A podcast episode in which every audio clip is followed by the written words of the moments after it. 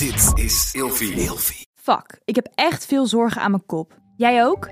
In deze podcast bespreken we al onze schaamte, eenzaamheid, issues, experimenten en gaan we op zoek naar onszelf. Samen met een gast beantwoord ik al jouw vragen. Tof dat je luistert naar Kopzorgen. Je luistert weer naar een nieuwe aflevering van Kopzorgen. Ik ben jullie host Michelle en vandaag gaan we het hebben over uit je comfortzone stappen. En daarom zit Tim Haars vandaag tegenover mij in de studio. Hallo, Hi. goedemorgen. Je kan Tim kennen als presentator, acteur, waarschijnlijk, maar ik weet niet of het een generatiedingetje is, van zijn rol in New Kids als Gerry. Hey, wat leuk dat je er bent. Ja, leuk om hier te zijn. Dankjewel. Ehm, voor de luisteraar, wil je nou weten hoe wij erbij zitten? Dat kan via Instagram en TikTok, @kopzorgenpodcast. En dan nog iets. Als je deze podcast graag luistert, vergeet dan niet om een recensie achter te laten op je favoriete podcast-app. Hierdoor is deze podcast beter te vinden voor anderen. Oké, we gaan beginnen met een stelling om het ijs te breken. Oké. Een personage spelen waar je in niets op lijkt, is het meest oncomfortabele dat er is. Mm, nee. Vertel. Nou, omdat je dan gewoon heel veel afstand neemt van wie je zelf bent. Dus dat is eigenlijk heel fijn. Ja? geen rekening te houden met jezelf. Dat geldt eigenlijk wel voor elke rol hoor, die je speelt. Bedoel, kijk, als je wordt gecast voor iets, dan is het iets waarvan andere mensen al denken dat je het kan spelen. Want zo werkt casting. Ze kijken naar iemand en denken, hé, hey, ik heb een rol. Misschien is dit iets voor hem. Uh, dus de kans dat je iets speelt wat heel ver van je afstaat, is al best klein. Maar als het wel gebeurt, is het, is het ook wel heel fijn. Omdat je eigenlijk eh, ver van jezelf afstaat. Eh, waardoor je... Ja, wa- waardoor het kan ook als een opluchting werken. Maar ik vind wel, want als je iemand speelt waar je heel erg veel gelijkenissen mee hebt, vind je dat dan oncomfortabeler of vind je dat juist nog comfortabeler dan? Mm, nou, ik, ik heb er echt een gevoel bij, omdat ik het toch niet ben. Dus bij elke rol die ik speel, zeg maar... Kijk, je haalt alles wat je speelt uit jezelf, maar je zit niet... Je, wil- je bent het niet. Dus, dus ja, Ja, ik vind het wel lastig, want ik speel zelf in een musical en ik moet iemand spelen die stoned is. ja dus ik- dan blow je heel veel. Ja, maar ik ben, ja, maar ik ben dat dus nog nooit, heb het nooit echt gedaan. Nee. Dus ik zit echt dat het van ja, te zoeken naar wat moet ik doen en en maar Ja, ik ja, maar ik- dat is meer, een, dat is meer een, een, een staat waarin je je dan verkeert. ja, Stoned. dan een zeg maar. persoonlijkheid. Ja, maar ik heb ook een stoner gespeeld, een Bros Before House. Zeg maar, dat is eh, een film die... Ik heb, eh, speel, ik, speel ik een stoner in een studentenhuis die zeg maar eh, verliefd wordt op een meisje wat te knap is. Sylvia, gespeeld door Sylvia Hoeks. En mijn broer eh, Daniel Arends, zeg maar, die, die woont met mij samen. Maar, en dan, dan speel ik een stoner. Maar ik bedoel, ik heb wel gebloot op de middelbare school. Ehm, maar het is niet zo dat ik daar mijn spel uithaalde. Nee? Nee, want ik bedoel, naast, na, naast stoned zijn ben je nuchter. Maar een stoner is iemand die een bepaalde levensstijl heeft. Oké, dus hoe bereid je je dan op voor? Nou, eigenlijk is alle, alle voorbereiding voor een film is gewoon zo vaak het script lezen. Zodat je eigenlijk alles weet. Waardoor je eh, eigenlijk ook alles zelf kan invullen. Ja, maar je, je moet ook een bepaalde input leveren aan een rol. Want je ziet die zinnen en je denkt, oké, dit is nu een script. Maar hoe ga ik hier nu... Ja, maar dus de, de, de script staat eigenlijk voor de context. Dus als ik het script lees, dan lees ik dan, oké, dit wordt zo gezegd in deze situatie. En daarna komt die situatie. Dus dan weet ik ook in wat voor wereld ik zit. Dus, dus mensen zeggen, wel, ja, je moet hier heel diep ingaan. Nee, je moet gewoon het script lezen. Wat grappig dat jij, want Ja. ik, ik hoor altijd heel andere, ja, een heel andere uitleg daarvan. Dat je echt helemaal erin moet gaan en bepaalde dingen moet doen om in zo'n staat te Nee, maar komen. kijk, ik bedoel, wij hebben nu dit gesprek. Maar ik kan misschien tien minuten geleden gehoord hebben dat mijn moeder ehm, op sterven na dood is. Maar dat weet jij niet. Omdat wij hier elkaar hiervoor niet hebben gesproken. Maar in een film bijvoorbeeld. Hè, stel voor, dit is een scène. In een film bijvoorbeeld. Dan hebben wij dit precies hetzelfde gesprek. Maar de kijker weet dat mijn moeder bijna aan het sterven is. Dus die kijkt al anders naar dit gesprek. Ja, Alleen al, gewoon puur omdat daarvoor een andere scène zat. ja, maar jij hebt ook echt zoveel gedaan qua, qua acteerwerk. Dus dat is dan op een gegeven moment vind je ook een beetje je eigen flow daarin, lijkt me wel, Ja, toch? ik denk het ook. Maar ik denk ook dat heel veel mensen heel veel willen doen. En heel veel gaan nadenken. En dan wordt het technisch. En dan zit je in je hoofd. Ja. Maar dat is alles behalve wat je wil.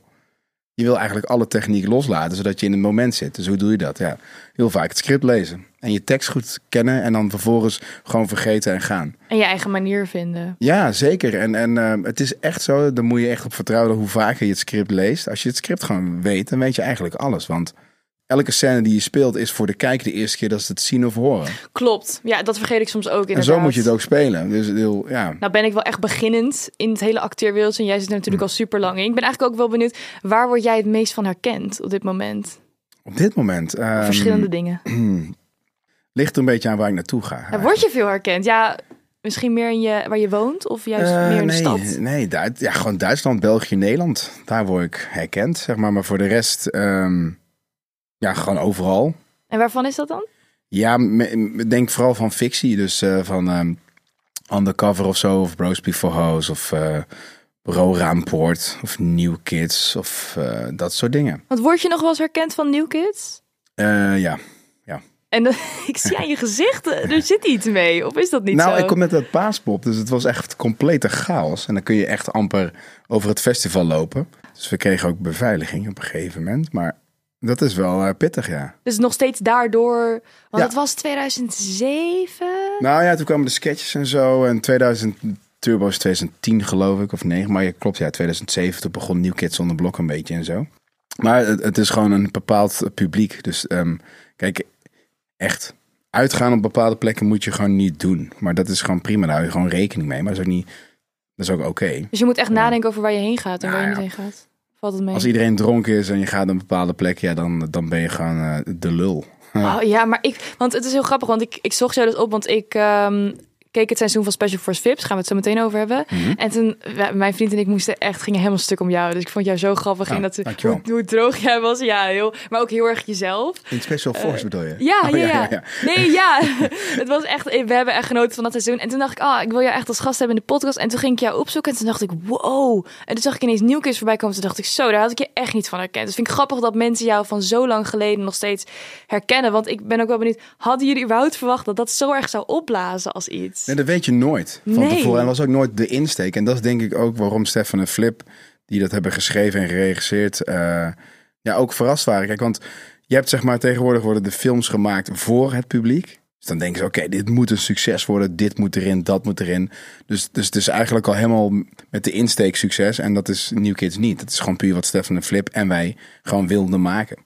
Dat was de enige, de enige, hoe zeg je dat, eh, enige insteek. Wat willen wij maken? Dit. Doen we concessies? Nul. Nee, dat, dat is wel duidelijk. Zo. En dus ik bedoel, dat is ook wel misschien waarom heel veel dingen werken die eigen zijn. Omdat, omdat je gewoon merkt als kijker van, oh, er wordt geen rekening gehouden met mij in ieder geval. Nee. Dus dat is fijn. Ja? Ja, vind ik wel. Ik bedoel, noem eens vier eh, romantische films op waarvan je die, die succesvol waren, die je echt goed vond. Die Nou. ik echt goed vond. Nou, Hoe bedoel je? Daarom, nou, duurt al te lang. Die bestaan niet. Nou ja, ik moet gelijk aan de notebook denken, maar het is inderdaad niet zo'n is heel goed. tof. Ja, ik vind, wel, vind ja, ik ik, tof. vind, ik vind het wel mooi, maar het is niet Nee. heel, ja, Notebook is wel echt geweldig. ja, het is, het is gewoon, het gaat om, het is een klassieker, weet Ja, maar je dat is wel. geen romantische komedie meer. Maar ik wil meer gewoon... Die film is denk ik ook niet gemaakt met de insteek... we gaan succesvol zijn. Die wilde gewoon een goede film maken. Ja, maar ik vind het wel, ja, die uitspraken, die heb jij dus ook zelf, heb jij erover nagedacht? Nou, de meeste zijn geschreven. Kijk, ehm, en de meeste die zijn gewoon in Brabant... worden die gewoon gebruikt. Dus het is niet zo dat het... Kijk, en bijvoorbeeld eh Verrekte Mongol bijvoorbeeld. Dat is gewoon Huub Smit... die dat een keer had gehoord bij iemand... en die dat gewoon... die de klemtoon anders neerlegde... en daardoor werd het grappig. Maar er kom eruit dan, jongen, bam, of zo, weet ik veel. Maar vind je niet heftig dat die dingen nog steeds online staan? Want eigenlijk in de tijd van nu, zou je het nu nog een keer kunnen maken zo? Mm, nou, kijk, je hebt nu te maken met een generatie die overgevoelig is. Dus, dus het is gewoon, ehm, ja, Dat weet is wel je. echt zo. Dus, dus ja, Ik zie de producer ook knikken. ze hebben het allemaal heel zwaar en ehm, er komt heel veel binnen. En ik begrijp het eigenlijk ook wel. Want als jij een telefoon hebt en je kijkt erop en eh, je zit in een onzekere fase en je hecht waar dan wat iedereen vindt, dan word je gewoon, gewoon gek nu. Weet je? En wij hadden dat wel, maar veel minder. En ik moet ook wel zeggen dat ik ook wel echt iemand ben. En dat geldt denk ik ook voor Stefan en Flip en voor Huub en voor Westie denk ik ook. Dat wij ook wel ja, niet echt veel rekening houden met wat mensen vinden. En ik ben ook heel blij dat ik dat zo heb. Dus ik heb ook heel weinig stress van wat mensen vinden. En dat is wel een groot goed. En ik denk dat het veel lastiger is nu. Ja. Eh, en je ziet ook heel veel mensen die content maken online. Die maken het misschien wel helemaal niet voor zichzelf. Maar meer voor, eh, weet ik veel, volging en likes. Het is echt super zielig. Ik zie heel veel dingen en dan zeg ik, ja, deze had zoveel likes en zoveel views. En dan kijk ik en dan is de kwaliteit zo fucking laag. Dan denk ik, ja. En ja, dan, het is heel commercieel. maar het gaat je helemaal niet verder brengen in, in de wereld van fictie of iets anders. Alleen, het gaat je wel verder brengen met eh, sponsors en eh, meer, nog meer likes en, en, en nog meer bereik. Maar wat betekent dat? Ja, maar Dat ook betekent waar, alleen maar succes. Dat betekent niet dat je iets maakt wat je zelf wil. Nee, maar je moet je er ook wel comfortabel bij voelen. Want jij voelt je dan, zoals ik het opvat, heel comfortabel in zo'n rol. Maar is er ook wel eens een rol geweest waarvan je dacht, jeetje, ja, ik weet niet of ik dit wel wil, kan. Ja, ik had laatst speelde ik een film over rouw. Dus dat gaat zeg maar over eh, het verliezen van eh, dierbaren. En iemand die dan eh, gewoon ja, aan het rouwen is en waanbeelden krijgt dat hij zichzelf neerschiet en die situatie probeert te ontvluchten. Dus dan ben je eigenlijk, dat speel je dat super zwaar. Nou, dat vind ik dan wel spannend.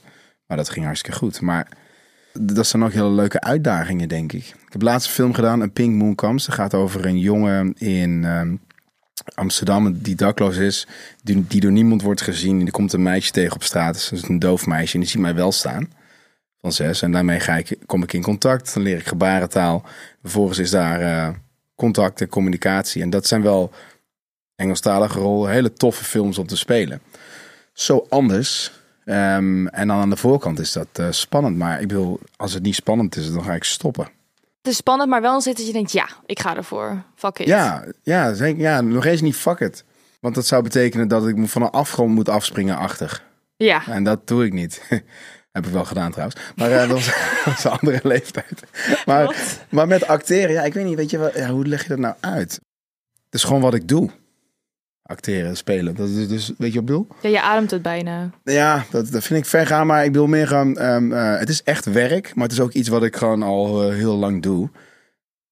En heel leuk vind. En ehm, dat gaat dus ook heel erg vanzelf.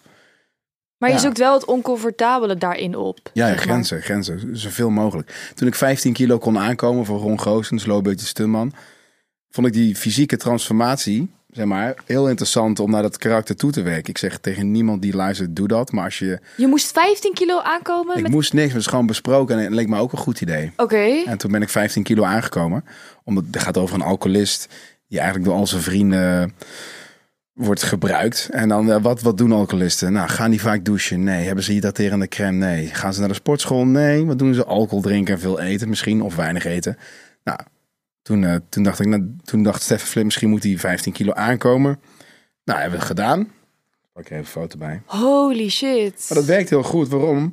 Ik herken mezelf daar niet in. Nee. Nou, dat Maar- vind ik dan leuk. Je, je tast je lichaam wel dan fysiek aan. Voel je dan ook niet echt een hoopje shit als je dan in zo'n korte tijd 15 kilo aankomt? Ja, het is grappig om te zien hoe, ehm, hoe dat werkt. De lichaamsgewicht en eh, zelfwaarde. Want Ja. ik vond mezelf echt...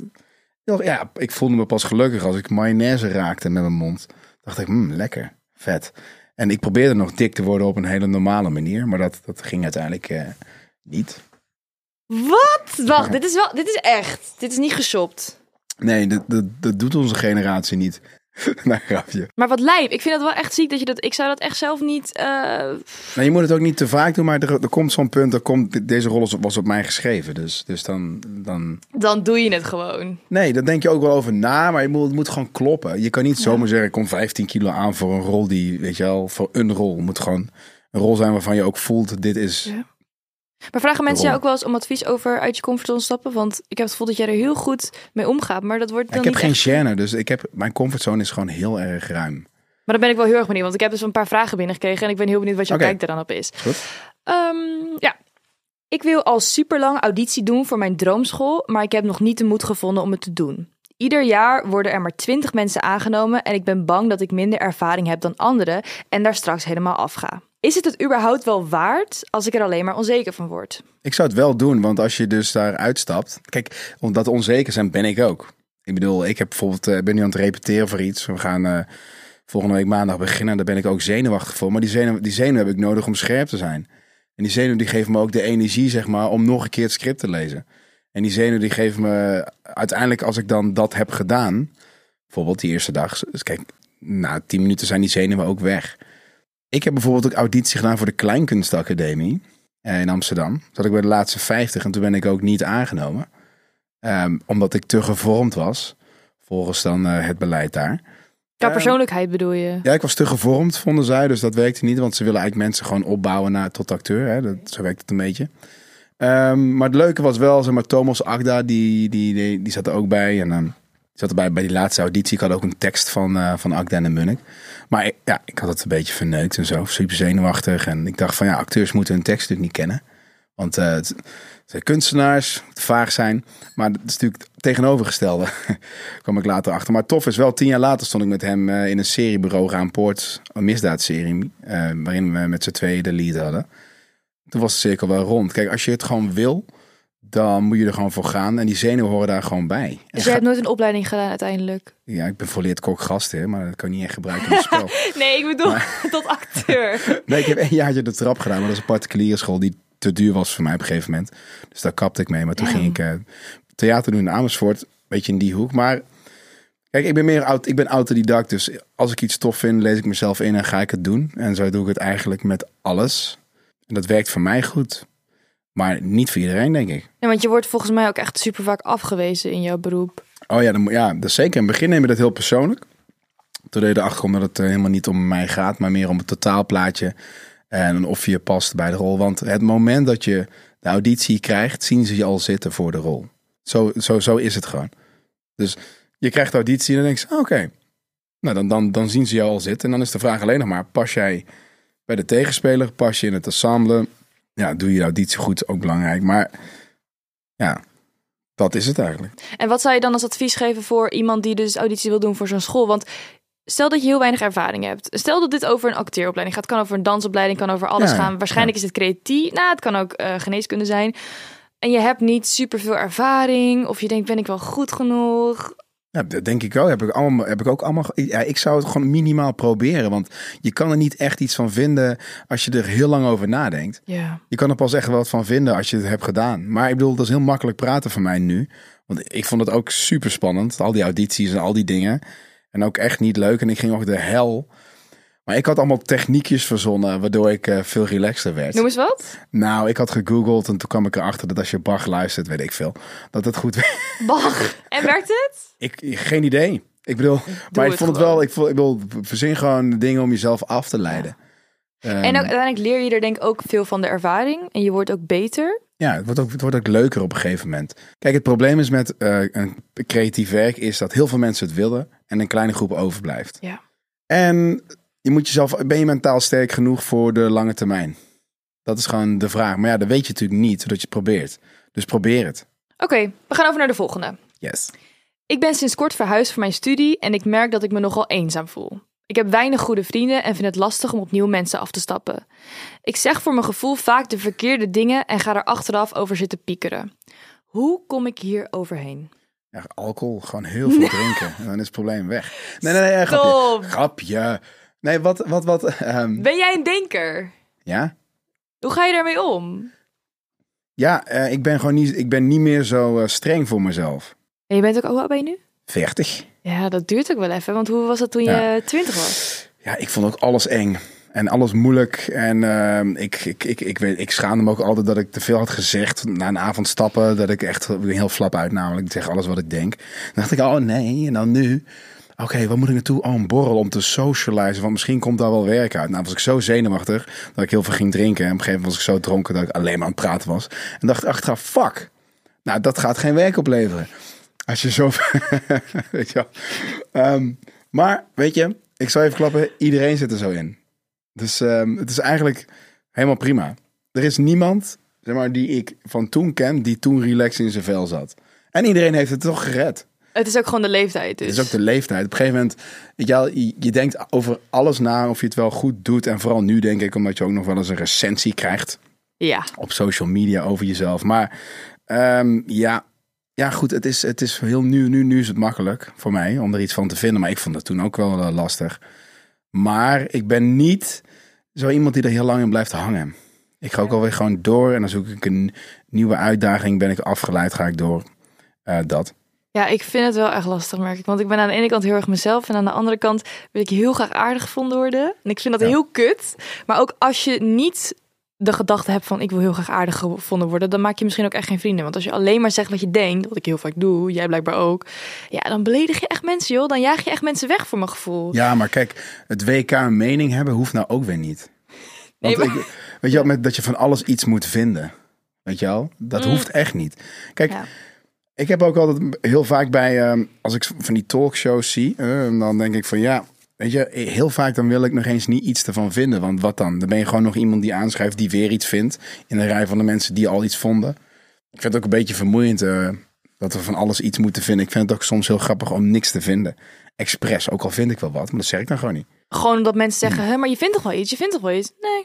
Ja, kijk, ik word er altijd een beetje recalcitrant van. eh, als mensen zeg maar de hele tijd van alles moeten vinden. Dan denk ik van, nou, die zal wel onzeker zijn. Want die moet echt veel vinden. Ja, Weet je? je kan ook Ehm, gewoon af en toe je mond houden inderdaad. Al is onzeker zijn natuurlijk gewoon ehm, best wel normaal. Ehm, en ook helemaal niet erg. En eh, ik zit ook eh, wel eens niet lekker in mijn vel. Maar ja, het duurt nooit lang. Want dan ga ik gewoon iets doen. Maar als je dit hebt en je blijft dus piekeren achteraf, wat, hoe, wat voor advies zou je dan geven? Ja, probeer jezelf af te leiden. En, ehm, en weet gewoon dat je niet de enige bent. Oké, Want top. ik, dat is het gewoon. Ik vind het wel mooi. Oké, ik heb nog een vraag. Maar dit is geen luisteraarsvraag. Want waar ik het heel graag over wil hebben, of heel graag, waar ik heel erg benieuwd naar ben, is ja, jouw bijna verdrinkervaring in het programma Special Force VIP. Mensen denken echt, what the fuck, waar gaat het over? Hier gaan we het over hebben in de volgende aflevering. Dus bedankt voor het luisteren en tot de volgende. Doei doei. Een gegeven moment gaat het wel fucken met je hoofd en overal werd je herkend. Ik heb al een tijd gehad dat ik best veel paniekaanvallen had. Dit is het dichtste wat je bij, eh, bij de dood kan komen. En toen dacht ik, oh shit, nee, dit is geen film, dit is realiteit. Dus toen zat ik er op een gegeven moment in.